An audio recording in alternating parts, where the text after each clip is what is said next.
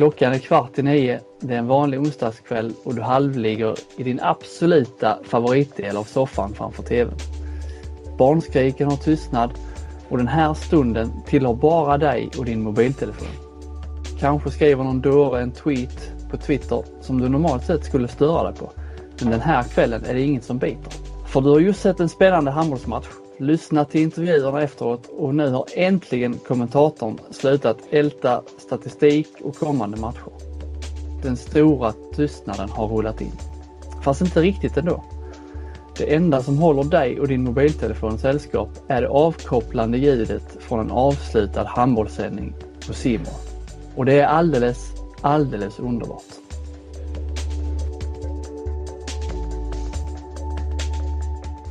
Mm. Eh, Fint. det här var då eh, Simors nya eh, avslutningsljud kan man säga. Visst var det eh, avkopplande? Ja, och som inspirerade dig då. Ja, jag eh, lät till och med sändningen stå på ett tag efter eh, jag såg eh, Kristianstad Redbergslid igår. Eh, för det här är ju torsdag.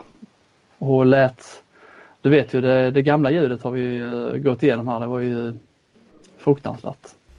Ja, det var ju liksom eh, psykisk terror. Du skickade ett eh, sms till mig för inte så länge sedan med lite härlig, härlig avkopplingsmusik. Ja, ja, det var ju efter. Jag råkade komma över det, eller det var väl efter en match. Jag tänkte det här måste du få lyssna på en gång till. Det måste varit bland de sista gångerna då, för det var Ja, ju det var- nyligen.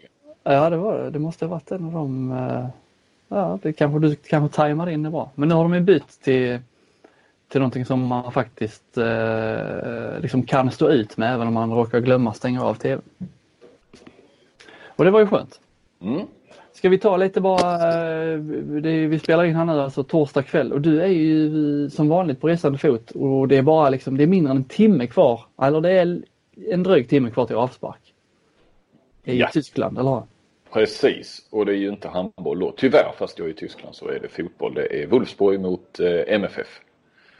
Och eh, det enda Tysklandsspåret vi har därifrån det är ju att eh, den nya förbundskaptenen Glenn Solberg då eh, för några timmar sedan har presenterat sin första lan- landslagstrupp som är ju Tysklandsinspirerad då, bara Tysklandsproffs. Eller hur? Exakt, eh, det är ju bara de han kommer åt. Han, eh, jag pratade med honom här för en, en stund sedan. Och eh, det är ju så att eh, tyskarna har ju fått till eh, så att det tyska landslaget får en hel vecka med sina spelare. Eh, han fick, eh, fick en dag då med, med, och är väldigt tacksam då gentemot de tyska klubbarna. Sen undrar jag lite varför, varför, jag menar det är ju samma klubbar som har släppt iväg de tyska landslagsspelarna om han inte kunde fått några fler dagar. Men jag fick inget riktigt svar, han var bara tacksam. Eh, jag frågade om det handlade om, om svenska förbundets resurser eller så men det, det var det tydligen inte. Utan, eh, och han visste inte hur eh, avtalet eller dialogen var mellan, mellan de tyska klubbarna och det tyska landslaget. Men, men det där är väl sen gammalt tror jag. Det, de har väl lyckats få till det där tyska landslaget eller tyska förbundet att eh, de har lite mer tid än andra. Och det var som man sa, det hade man ju, de har ju också bytt förbundskapten. Ja. De har ju tagit in eh, Gislason eh, istället för Prokop. Eh, så att de är lite i samma situation eh, som Sverige eh, inför det OS-kvalet som ska spelas i Berlin och där Sverige då alltså möter bland annat Tyskland. Så att eh, lite avundsjuk var han nog på att Gislason får en, en hel vecka. Det är ju klart att det är en fördel. Jag tyckte det, jag trodde han skulle ägna sig åt sin eh, blomsterodling. Ja, Rosenträdgården ja. Rosträdgården. ja. Men, Ja. eh, jag, trodde han var, jag trodde han var pensionerad men det där, så var inte fallet. Nej, plikten kallar eller någonting. Han, han bor ju i Tyskland. Han är väl, han är väl liksom halvtysk numera. Han har ju varit där i så, oerhört många år här. Det är klart det tyska landslaget eh, har väl lite dragningskraft ändå även om de inte har eh, tillhört världstoppen på det sättet så eh, ändå lite prestigeuppdrag kan jag tänka mig. Ja men det är klart det. Jag vet faktiskt inte hur långt han har skrivit på. Om det var något, var något kortare så bara över OS eller är det, är det flerårskontrakt? Jag är dåligt uppdaterad på det. Mm, det måste jag nog med så att jag Det går ju att kolla såklart. Men, Ja. ja. Men eh, hur som helst, de har ju då Solberg bara tillgång till eh, och, och de ska inte ens träna. De behöver inte ens ta med sig eh, dojorna. Eh, det är bara möten och, och så. Det är för att väl, liksom, eh, tjäna in en dag på på samlingen kan man säga. Annars hade det väl nästan gått åt en dag. Framförallt med, med ny ledning då. Eh, till att eh, ja, allt det här som ska sättas på plats hur man vill ha saker och ting. Mm.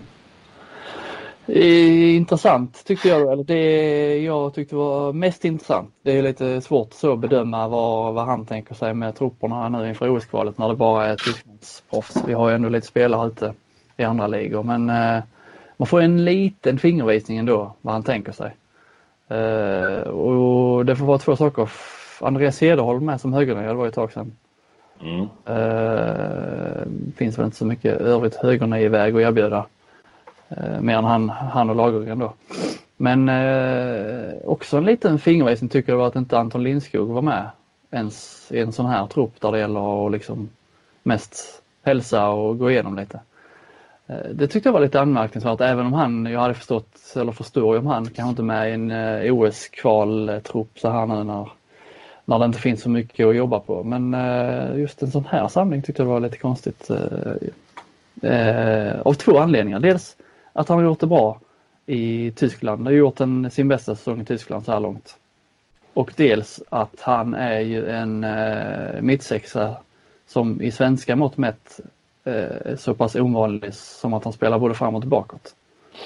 Och det var ju det jag trodde, det var den signalen jag trodde ju hela tiden att eh, Solberg skulle eh, ta in ganska tidigt i landslaget. Tvåvägsspelare. Eh, men nej. Vad fick du för uppfattning när du pratade med honom? Nej, men jag frågade just om eh, om Lindskog och nämnde även Olof Schäfert som också varit ganska så het nu. Men då, då sa han att eh, ja men vi har koll på, på Bundesliga eh, och vi har observerat att Lindskog har varit, och då nämnde han inte för Schäfert utan just Lindskog, eh, har gjort det bra här nu. Men eh, där är fyra linjespelare som varit med ett tag i landslaget och eh, de gick före nu då. Men, men alla de är ju inte med här utan det är ju, det Nej, det kan vara ännu mer fin, fingervisning då att de fyra som går före, då är det ju ändå Dai spelar bara bakåt. Andreas Nilsson spelar bara framåt. Jesper Nilsen spelar väl, kan väl spela både bakåt och framåt men har ju mest spelat bakåt. Och är ofta skadad. Och är ofta skadad. Uh, ja. Som inte har, uh, ja, han har varit med lite i periferin. Ja. Nej, men jag håller med dig för, för här fanns ingen begränsning på 18. De kunde ha varit 20 också. Så att, eh, och, och, och, även om han tänker att eh, Solberg då att nej, men Lindskog ska inte med till OS-kvalet så hade det inte varit fel att haft med honom här. Jag menar Lindskog var ju faktiskt med i bruttotruppen i, till EM så att han har ju ja, jag menar, de är, ja, och de är fyra, fyra målvakter och de är fyra mittnior och så att det är liksom Han har inte gått så på att vi ska ha två eller tre på varje så att den, det har inte funnits några begränsningar så på de andra positionerna. Nej, så att eh, nej. Nej, men det var så han svarade i varje fall. Och eh, sen frågade jag även om Niklas Ekberg och eh, de har fortsatt dialog med OS-kvalet. Han behöver fundera lite till innan han tar sitt beslut. Eh, Ekberg då om, om en eventuell comeback. Mm. Eh, ja, inget nytt kring Kim Andersson heller. Jag tror han tar ut truppen den 24 mars så att det är ett tag till. Mm. Eh, annars har han inte petat någon heller från eh, EM.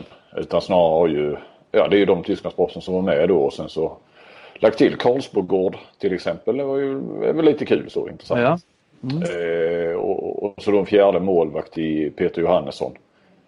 Och så hade vi Cederholm. Alfred Jönsson med. Alfred Jönsson ja. Eh, Emil Fränd Öfors också. Ja precis, där har du de som, som tillkommit då. Så att, eh, ja. Man ska kanske inte eh, läsa in för mycket i den här truppen men lite ändå. Ja, han har inte behövt ta väck någon för att ta in Lindskog. Nej. En till. De kunde ju varit 20. Så det känns ju lite som... Det känns som mer som en nästan mer, ännu mer, ännu större petning nu på något sätt. När det är bara Tyskland. Ja, Peter Inga, han har inte varit inga, med en diss. Nej, men en diss. Ja, precis. En diss. Inga begränsningar. Ska liksom inte spela matcher. Bara Tysklandsproffs och ändå då är det en lång väg att vandra. Ja. Um, ja, eh, från det samtalet där, det var eh, inget annat att rapportera eller? Eh, nej, Eh, och han eh, reser ju runt eh, här i Tyskland nu ju. Mm. Han har ju varit bland annat i, i Solingen. vet jag. och vilka, vilka bor då i Solingen? Detta var inte något jag tog med Solberg utan jag fick höra det på andra. Mm. För det sa inte mig så mycket. Nej, det säger inte mig så mycket heller. Eh, Bergischer-proffsen Darj och Arnesson. Okej. Okay. Och eh, tydligen så, så, just i Solingen ska det finnas ett kebabhak som en gång i tiden gick jäkligt bra men, men eh, tydligen har de affärerna gått betydligt sämre på sistone sen Emil Berggren flyttade ifrån för han bodde på ovanvåningen i det huset. Jag har till och med fått en bild på detta, detta hak. Jag kan lägga ut det på, på eh, mitt Twitter. Eh, men det var lite, och Solberg är oskyldig till denna informationen men jag tycker ändå att den bör eh, framföras. Ja. Eh, den känns ju trovärdig. Ja, idag var han, det sa han själv, idag var han och, och, och eh, nere i Heidelberg och träffade Reine Eckerlöven, svenskarna. Så att... mm. Alltid undrat vad sådana förbundskaptener åker runt och träffar eh, ja, fotbollsspelare eller handbollsspelare eller vad det är. Liksom alltid, vad är det de gör? Sitter de, går de ut och fikar eller tittar förbundskaptenen på en träning för att se läget eller eh, Eftersom han åker dit så måste de ju göra någon, de måste ju ja. ut och äta eller vad gör de? Ja men jag, jag har lite info där faktiskt. För Andersson, när jag skulle träffa honom nere i Heidelberg så tog han mig till en restaurang och, och, för vi skulle köra intervju där över en lunch. Och eh, så sa jag det stamhaket. Ja, jag har varit där två gånger sa han, på samma dag. För då var, innan han flyttade ner då, var det förra våren, så var han nere och träffade lite spelare och då tog men det först var Appelgren som tog honom dit till lunch och sen de skulle käka middag med Tolbrink så tog han också honom mm. dit. Eh, så det gör man ju till exempel. Sen tror jag säkert att om, om det går att försöka träffa, kanske vara på en träning, då får, då får du ju träffa lite kanske klubbrepresentanter, någon tränare och någon sportchef och lite så. Eh, det hade kul om de hade liksom bjudit hem, suttit och spelat Yatzy hemma i spelarnas lägenhet och bara snackat skit. Och det är det man vill att de ska göra. Alltså, bara alltså inget någon vägare kanske? Ja, ha det lite gött och banda liksom. Mm. Mm. Och då är det mer officiella luncher då? Det är nog mer eh, officiella luncher. Hej, jag Ryan Reynolds. At Mint Mobile, we like to do the opposite of what Big Wireless does. They charge you a lot, we charge you a little. So naturally, when they announced they'd be raising their prices due to inflation, we decided to deflate our prices due to not hating you. That's right. We're cutting the price of Mint Unlimited from $30 a month to just $15 a month. Give it a try at mintmobile.com slash switch. $45 up front for three months plus taxes and fees. Promote for new customers for limited time. Unlimited more than 40 gigabytes per month. Slows. Full terms at mintmobile.com. Mm. Okej okay, Flink, eh, nu tycker jag vi går vidare till eh, veckans stora bomb Eh, Palme. Inte Anna Lagerqvist lämnar Nykull? Nej, alltså Lagerqvist i all ära, men eh, Palmemordet är på väg att lösas. Ja, det. ja det, det är faktiskt en, det är en bomb. Jag så, blir så lycklig över, över den här nyheten. Alltså man har följt den här, det har liksom varit en del, lite, kanske lite vemodigt, det har varit liksom en del av ens liv ända sedan man föddes. Och nu är det då innan sommaren så, så har alltså Christer Petersson utlovat ja, kanske det som är facit. Mm. Ja men det är kul att det, ja, men att det skakar liv i det här igen för då, då kommer ju de här gamla lite, det är ju de gamla namnen som kommer fram igen och ska kommentera och, och sådär. Mm. Lite. Eh, det är alltid någon privatspanare att snacka med och så vidare. Ja, det finns ett eh, nästan nostalgiskt skimmer över Palmeutredningen. Du kommer ihåg att jag har lanserat Skandiamannen som eh, gärningsman tidigt i den här podden? var det innan eh, den filter körde? Nej, det var, eh, det var tyvärr inte det. Men det var när jag hade läst den boken som han skrev. Ah, okay. ah, jag minns faktiskt inte det. Men Nej, det eh, jag tror det. Det lär väl finnas bevis för att du har sagt det. Har du haft någon, har du haft någon egen teori om detta? Jag kommer ihåg, jag, jag minns ju när det hände. Jag är ju så gammal, jag var ju mm. tio jag skulle fylla 11 det året. Eh, och kom ihåg det här beskedet och sånt en lördag morgon. Eh, då var det ju rostade mackor, det var alltid lite extra när det var mm. helg. Och eh, jag tror farsan sov fortfarande och jag gick in, alltså vi hörde på radion då. Eh, och så gick jag in och, och väckte farsan. Jag kommer ihåg att han bara satte sig rakt upp i sängen och bara va? Det kommer så jävla väl ihåg. Eh, då kommer jag ihåg just det här eh, att han inte hade några livvakter med sig. Mm. Eh, så som eh, 11-årig eller 10-årig privatspanare så kommer jag fram till att det måste ju vara eh, då någon inom, eh, alltså någon konspiration inom eh, polisen eller som visste detta. Du hamnade på polisspåret tidigt? Ja, jag hamnat tidigt där. Men eh, det visade sig att det var rätt ofta tydligen han, som han inte hade livvakt. Så att, eh, det var lika vanligt som ovanligt. Mm. Eh, men du då? Har du? Nej, alltså jag har ju inte slikat eh, det mesta? Men, ja, det mesta. Jag har faktiskt, faktiskt 100 000 sidor Nej, men det har skrivits en del böcker. Jag har slukat rätt många av dem. Uh, nej, jag, jag skulle säga svängningarna. Det, de flesta böckerna har ju en egen teori. Och när man läser en bok så vet man uh, tar sig igenom den på, på ett par dagar så då är man så inne i det så då köper man, man köper ju allt. Man är inte mer kritisk än så. Man köper ju det som, som man läser liksom. Och det verkar ju överväldigande bevis för Sydafrikaspåret. Nej, sen är det kanske Christer Pettersson ändå. Det verkar ju konstigt att han friades nej det här måste vara, är det PKK? Så man har ju verkligen svängt. Mm. Nej men visst i den åldern man var då när Christer Pettersson det är klart man trodde att det var han. Han dömdes ju också för det. Även om det är klart det var mycket som, så mycket tvivel också ju. Att, att, att, men det kanske visar sig är nu också då om det är Skandiamannen, den här ensamma galningen. Alltså hur, hur fan de har liksom lyckats klara sig. Mm. Eh, och han klarade sig fram till sin död. Så att... Det är ändå fascinerande. Den här polisutredningen har alltså hållit på i 33 år. Eh, världens största mordutredning. Eh, som aldrig riktigt kom framåt då förrän nu i slutet. Det bara stod stampade utan utveckling eller till synes då positiva resultat. Och ska man då göra någon slags ändå komma in på handbollen till saker som tycks stå stilla utan någon riktig utveckling eller några positiva resultat så, så finns det ändå en del saker man kan nämna som alltid tycks liksom upprepas. Som vi sitter här och vi har ändå hållit på med den här podden i några år nu. Och jag gick tillbaka och kollade lite i arkivet så bara, bara se vilka ämnen vi gick igenom för ett år sedan och två år sedan. Och vi lyssnade på lite klipp. Det är ändå liksom, det är mycket samma, vi sitter liksom och maler samma problem år efter år.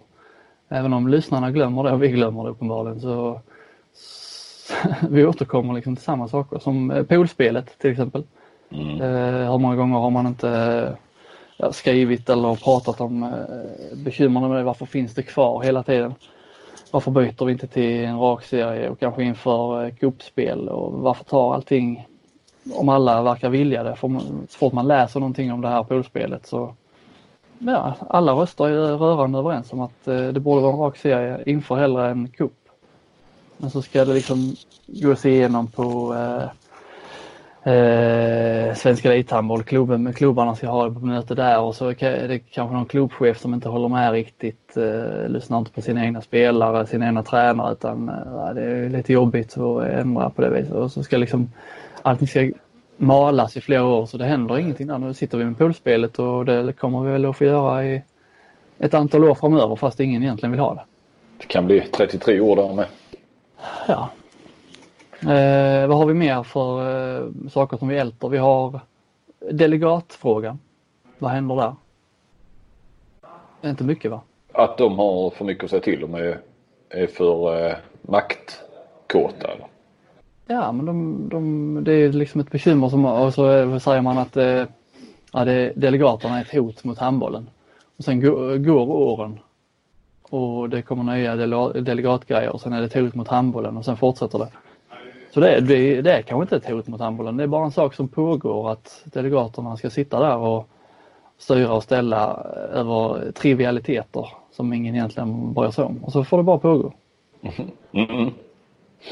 Något som jag faktiskt har tänkt på mer och mer den här säsongen det är eh, domarkvaliteten. Såklart.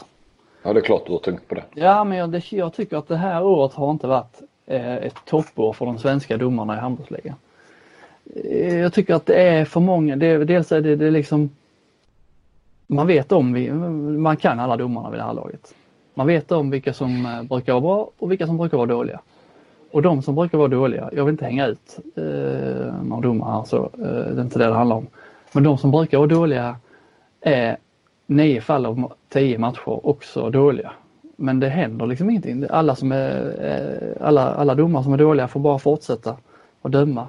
Inga problem. Eh, det känns som att på ett sätt, eh, jag inbillar mig, det här skulle förnekas av alla inblandade. Men det är min bestämda uppfattning att så länge du vill bli elitdomare och ha, är hyfsat ung så kommer du att få döma elithandboll hur svag du än, eh, hur svaga matcher du än gör. Så är du väl där uppe och du har börjat döma så här, det, du kommer få fortsätta. Det är inte så att domare plockas bort, så bara nej det här funkar inte. Utan det är samma, vi, vi fastnar liksom i samma... Ja, för konkurrensen är så dålig. Eh, alltså bara, har du bara viljan snarare, en, en talang så, så mm. kommer du ta det hela vägen. Mm. Ja, ja, och sen har vi ju ett annat exempel.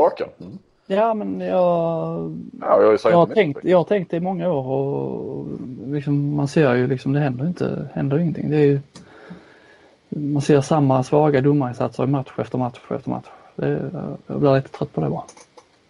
Vi har ett färsk, färskt exempel från igår. Kommentatorn i Simor som alltid säger Schrins istället för Krins. Det har han hållit på med nu i, eh, ja det måste vara tre säsonger nu. Jag menar då, han måste ju vara, i början visst, en ung kille som kommer upp med ett konstigt efternamn. Det är ju inte så lätt att veta hur man uttalar det. Eh, om man inte har någon vilja att ta reda på det såklart. Eh, men den här, jag, vet, jag kan inte så mycket om den här Bosse Johander i övrigt men han, det känns som att han måste ju vara, nu har ändå Krin spelat EM. Han har nämnts i rätt många sammanhang. Gjorde ett av eh, de mest uppmärksammade, uppmärksammade målen. Alltså man måste verkligen vara, du måste vara bortkopplad. mellan in i en grotta eller någonting. Ja. Jag undrar, jag låter lyssna, hur sa de där borta? ESPN hade väl eh, hans mål som eh, sa, dagens höjdare. Ja, Undrar hur de uttalar, de uttalar kanske det rätt ju till exempel. And at number one, the European Men's Handball Championships. Sweden and Switzerland. Walter Trentz scoops the loose ball, throws it behind his back, falling to the ground and scores the goal. Jag har ju pratat med Kins om detta och de, uh, han liksom fattar inte heller någonting. Vad är det de har så I början tyckte de var kul, nu är det liksom, ja, det börjar bli tröttsamt. Uh, alltså det, liksom, ja, det finns ju andra kommentatorer som uh, det bara pågår, inget händer. Men det är väl brist på, samma som i domarfrågan, det kan vara brist på konkurrens där också. Det är det nog på, på den nivån där, eh, där han då är. Alltså där, det är att bara kommentera de här ligamatcherna. Mm. Det är, det är ju en annan nivå sen när det gäller alltså Viasat och landslag och, och så såklart. Det vet ju alla. Men, men eh, nej, jag tror nog det också att vill du bara det riktigt mycket så kan du nog ta dig fram och bli eh, ja, en av alla de här kommentatorerna som dömer ligamatcher i olika sporter. Mm. Ja, vill du ha mer förslag? Jag har fler. Ja, kör. Vi har ju det här uppkommande nu, eh, slutspelet är på gång. Vi har ett landslagsuppehåll där som ska in eh, som alltid tycks bli fel varenda år. Det, det är liksom dålig timing hur man än gör. Nu, jag tittade idag bara för att vara säker, nu har de ju i och för sig lagt det då mellan kvartsfinal, kvartsfinalerna och semifinalerna. Vilket på pappret är en jävla kanonlösning. Om man eh, liksom jämför med, med alternativen. Lägga det mitt i en kvartsfinalserie är ju värdelöst. Ja, mitt ja. i en semifinal är värdelöst. Eh, ja, men det blir inte riktigt bra ändå. För eh, så vinner eh, tre av fyra kvartsfinalserier avgjorda efter tre matcher. Ja, vad händer då? Då blir det ju uppehåll, inte bara landslagsuppehåll, utan då blir det en vecka till eftersom där ligger kvartsfinal fyra och fem som aldrig spelas. Hela, liksom, det hinner hela pulsen hinner ju mm, dö flera gånger. Sen fattar jag, det är inte lätt. Var, hur ska de, får man plats med ett slutspel? Om säger att du hade lagt slutspelet efter landslagsuppehållet. Får man plats med det? Nej, det... Nej, det är ju slut. Det i OS-kvalet då? Så det slutar ju 19 april. Ja. Och då får du inte in, det blir svårt att få in det liksom. Så jag fattar ju att, att eh, det är problem och jag tror aldrig att de kommer, inte ens om du och jag hade slagit våra kloka huvuden ihop så tror jag inte vi hade fått till en, en lösning som hade, vi själva hade varit tillfreds med. Nej, och, och på tal om det så har vi ju hela alltså matchschemat som det också eh, ständigt och jämt. Bara pågående kritik. Eh, ja. Du spelar massor med matcher i december är det väl, men få matcher i, i november.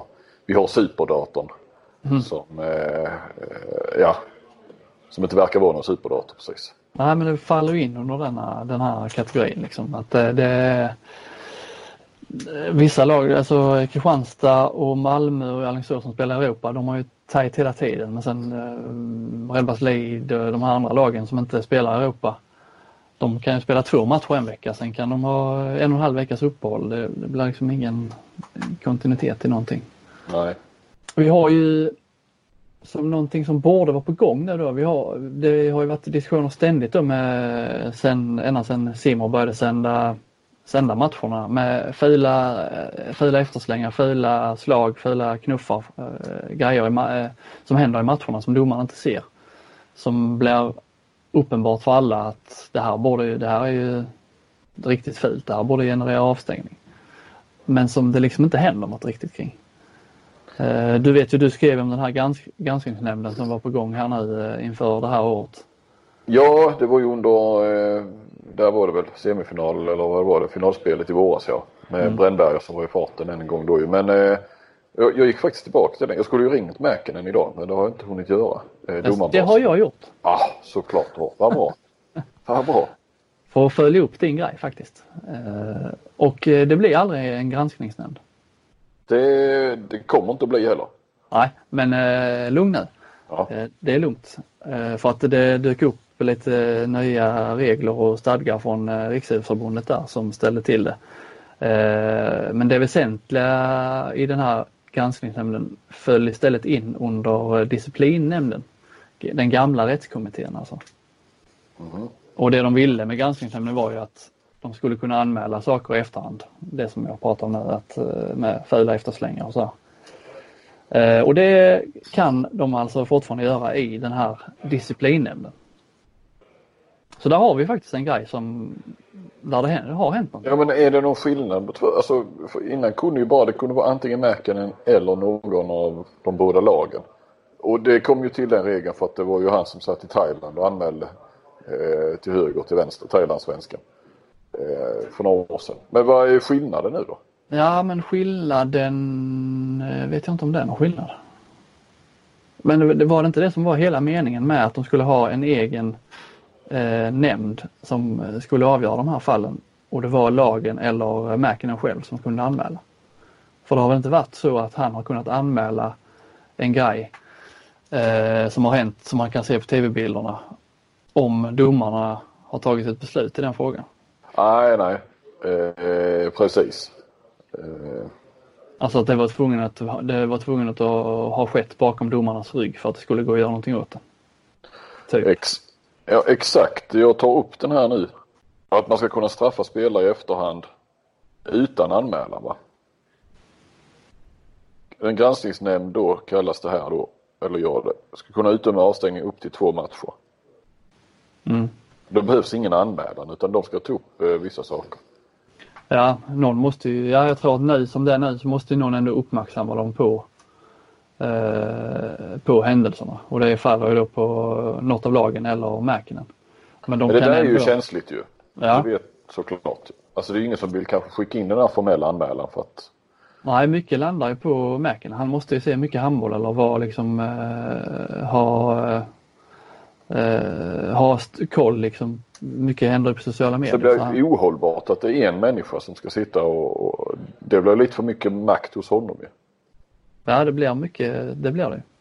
Sen får väl lagen också själva, det hade jag velat, eh, om jag hade tränat ett lag som, eller varit sportchef i en klubb vars lag drabbas av en ful grej. Varför ska man liksom inte anmäla det? Är det för att man inte vill liksom uppfattas som gnällig hos de andra lagen? Jag tycker kanske att när det ändå är en sån här säsong som det har varit de två senaste åren där det har varit rekord i röda kort i fjol och det ser ut att bli eh, rekord i röda kort i år också då kanske man, det är dags för klubbarna också att ta sitt ansvar och inte bara lägga allt på, på domarna. Tycker jag. Mm. Mm. Och de har ju faktiskt haft, eh, jag vet då när eh, Gesim Salih fick eh, hjärnskakning där när de mötte Varberg. Jönne var det då som slog honom i ansiktet. Han fick ju rött kort i den matchen. Men då anmälde Mäkinen det ändå. För han tyckte det skulle varit rapport också. Och fick ju, så det blev ju avstängning där på Jönne efter den. Mm. Så det, det är ju ett, ett bra exempel på hur det, hur det borde funka.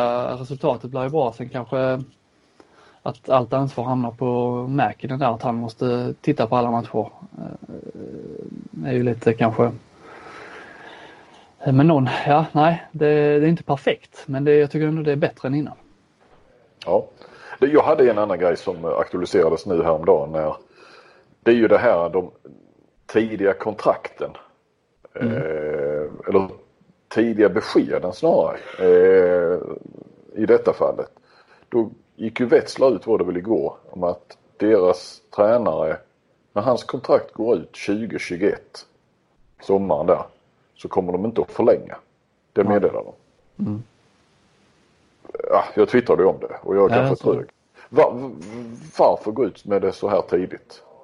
Och idag, ändå har det inte kommit att att de har en ny tränare som de redan har gjort klart med. Som också skulle vara jäkligt tidigt. Eller att han är klar för någon annan klubb. Har ju inte heller kommit fram. Mm. Det, så kan det ju vara men det är ju inte konstigare egentligen än, än liksom varför ska, säga att han ska vara klar för en annan klubb. Ja men det är väl inte konstigare än att det är de som annonserar det i så fall. Och går ut med det. Eh, för de har ju inte värvat honom eftersom hans kontrakt går ut. Och i, det är ju, i fotbollen måste det ju vara inom ett halvår Eh, mm. Måste, får bara vara ett halvår kvar. Så är det inte i handbollen. Men överhuvudtaget så, jag förstår inte det. Och, och, det är så mycket som kan hända. Jag tänkte på, alltså han, det kanske blir jättebra med Lauge då just till exempel som där Vranjes gick till Veszprem. Så det tog inte så lång tid utan att meddelades det att Lauge då skulle följa med honom efter, alltså, efter en säsong. Det var ju också tidigt, något år mm. innan. Mm. Eh, då hann ju Vranjes, som jag menar ändå gissa att det var väl ändå liksom den kopplingen kanske därför att Lauge gick dit. Jag vet inte men det, det kändes ändå lite så. Eh, Vranjes ville ha dit honom. Eh, ja då har ju Vranjes fått sparken för länge sedan. Sen som sagt så det är ju från en toppklubb till en annan klubb. Det är ingen fara för Lauge liksom. Men, nej, ja, det kan komma skador och Ja, jag tycker det. Nej, jag, jag inte heller. Det var väl samma med han fransmannen eh, Nicolas Torna. Han skulle till, var det Kielce han skulle till som det meddelades tre, två år innan eh, han skulle dit att han, han skulle dit. Ja. Det, det hinner hända så mycket. Ja, och sen vet man hur det är med handbollsklubbar. Det är liksom satsningar som nu Vardar. Eh, fullständig kaos där så har de, eh, det är inte omöjligt att de har skulle kunna skriva, på, skriva kontrakt med en spelare som skulle komma om ett och ett halvt år. Ja, och så blir det ändå det, det blir en rörig situation.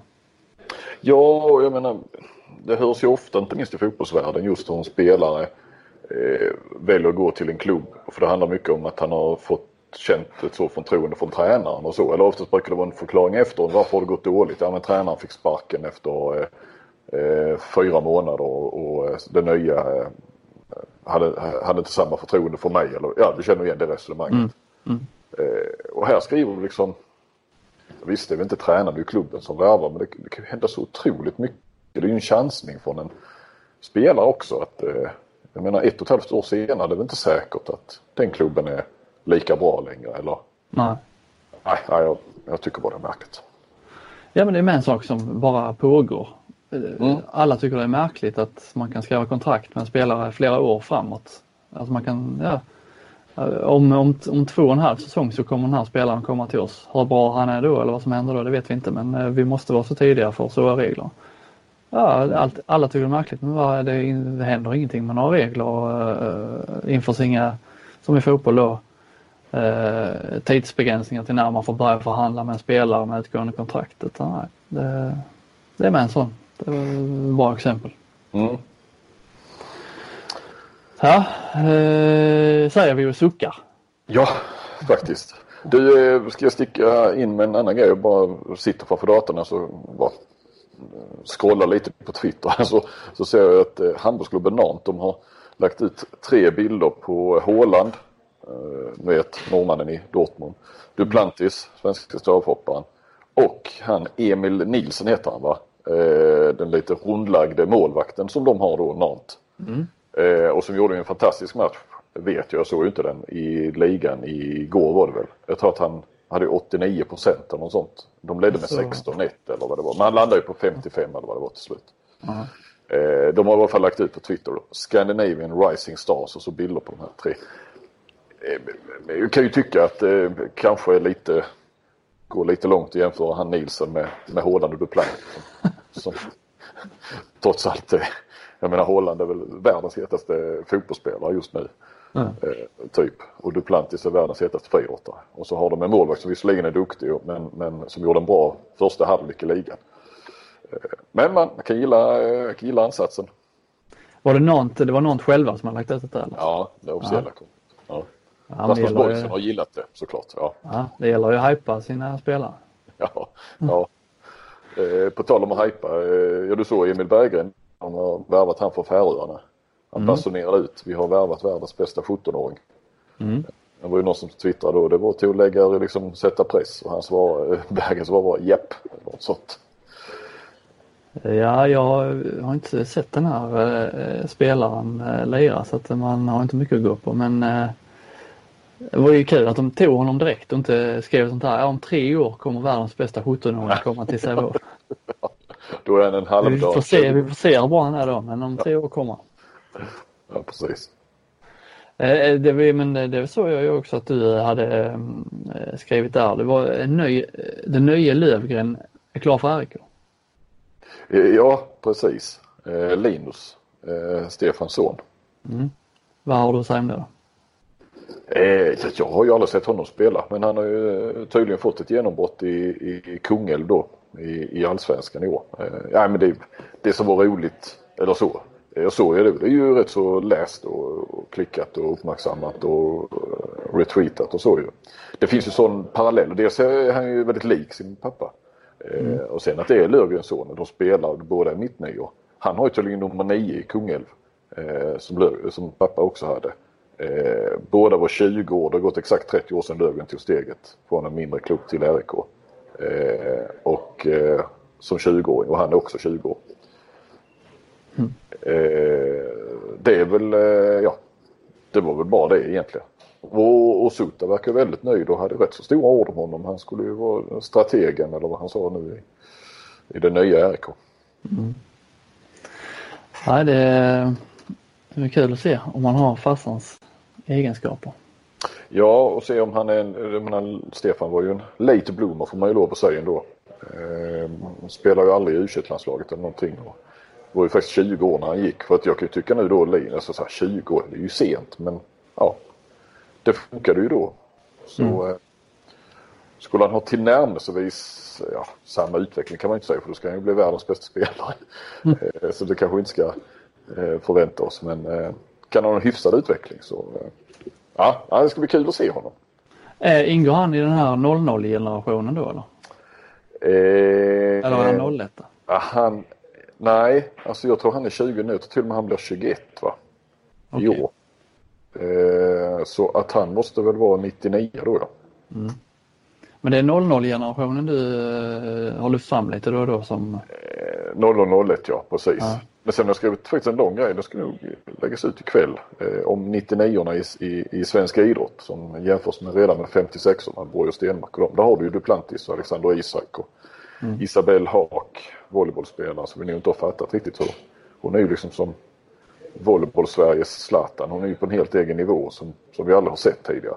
Ungefär som Zlatan var i i svensk fotboll. Eh, och då även eh, heter hon Elvira Öberg, skidskytte och, och heter hon Linn Svan och eh, Frida Karlsson framförallt, längdskidor. Mm. Eh, ja, alltså de har jag grottat ner mig kan man säga de senaste dagarna faktiskt. Får vi se hur det går eh, om du kommer återkomma till 2020-generationen eh, då med kanske se här vi har Jamina Roberts och Emil Berggren ska ju föda under 2020 måste det bli då ju. Man är ju gravid i nio månader. Ja, precis. Så det kommer ju bli innan årsskiftet definitivt. Mm. Ja, men en handbollsspelare, framtida handbollsspelare borde det ju bli. Ja, det borde ju bli det. Va? Vi, vi, eh, precis med anledning av det så eh, äh, det var jag som sa det till dig. Va? Det går ju ändå, det kan vara kul att spekulera i lite vilka är våra drömungar om man säger. Och nu bortser vi då helt här från att de har kanske andra eh, eh andra familjer. Säger. Nej men att de redan har barn eller är säkert lyckliga i sina äktenskap eller eh, förhållanden så, så är det ändå lite kul att tänka vilka man skulle vilja para ihop så att säga. Och, och se vad det kan bli för avkomma. Menar kombination av två perfekta eller två i alla fall duktiga handbollsspelare med spetsegenskaper som tillsammans skulle bli den perfekta handbollsspelaren? Ja, men lite grann. Eh, man kan ju titta lite så positionsmässigt till exempel. Jag tänker ju Zachrisson och Hagman som för övrigt är, är ganska lika varandra. Det har ju påtalats förr ju. Spelmässigt eller utseendemässigt? Ja, det finns lite utseendemässiga likheter. Och sen är det ju två, eh, liksom, spelmässigt är det ju två eh, måltjuvar verkligen. Mm. Eh, det är, jag skulle säga de är exakta kopior som spelar nästan. Ja, ja. Och ganska lika utseendet också. Så det skulle ju synas vem deras barn hade varit. Ja. Eh, jag tänker eh, Mikaela Messing och Simon Jeppsson. Bör ju bli eh, bombskytt. Mm. Ja, ja rätt. Men jag vet inte, finns det några sådana här, eh, jag såg du var inne lite på det, finns det några nuvarande spelare liksom som, som är formade efter den här modellen som du efterlyser De som har två handbollsföräldrar. Jag försökte fundera lite på det men det är svårt att hitta spelare som har med både, alltså som spelare som har kända farsor eller kända morsor finns det ju. Men mm. har både kända morsor och farsor det har nog du bättre koll på än vad jag har. Mm. Vi har ju, vi har ju nämnt honom, Olle Forsell Schäfert. Ja. Med eh, Ulf Schäfert och Britt Forsell. Eh, är det ju där Britt nog var en bättre spelare än, eh, alltså förhållandevis, alltså på damsidan än vad Ulf var på herrsidan. Men vi har ju, han blir ju bra tränare sen. Mm. Ja. Vi har ju också såklart bröderna till Olle, Erik och Anders Forsell Schäfert. Där har du också ett exempel. Vi har ju det är lite, Jesper Linell, nej vad hette han? Gjorde han va? Ja, Rico. Ja. Mm. Eh, där har du ju Ingmar Linell och jag tror hans fru heter Eja och sånt. Gjort många landskamper. Eh, Ingmar gjorde ju bara en faktiskt. Eh, så där har du en. Har, ja, ja, precis som spelare. Fler som förbundskapten. Eh, sen har du ju eh, Hermansson och Högdahl. Arne Högdahl och Mia Hermansson. Arne Högdahl är väl också mer känd som tränare såklart och Mia Hermansson, ja, en av Sveriges två bästa spelare genom tiderna på damsidan ihop med Isabelle Guldén. Utsedd till världens bästa spelare tror jag 94. Mm. Eh, dottern där var ju med i EM nu. Hon är ju norska då, eller spelar ju för Norge.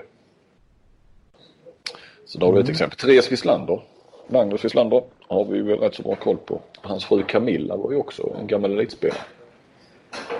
Eh, så att eh, det finns ju några. Vi har ju, heter han Tiova Ybelacker i Lugi. Mm, just det. Mm. Paul Ybelacker och kommer inte ihåg vad mamman heter men hon eh, var bra och spelade i Sävehof på 90-talet. Hon het, ja hon hette ju inte Ybelacker såklart ju, då. Du har koll på alla släktbanden där alltså? Nej, nej, inte alla men eh, och det finns säkert bättre exempel och säkert internationella exempel. Eh, kommer inte på det finnas, för några år sedan skrev jag när Sverige mötte Tyskland för mig det.